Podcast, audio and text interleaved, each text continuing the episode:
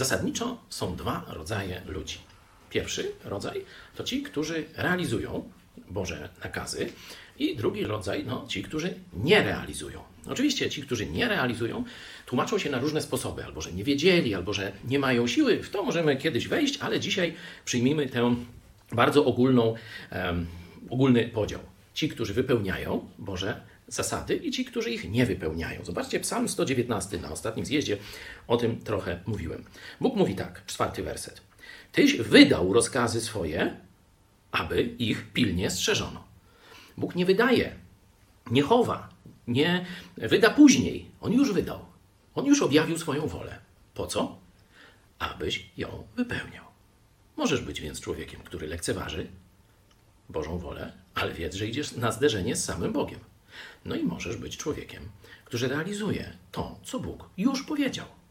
Nie ma trzeciej drogi.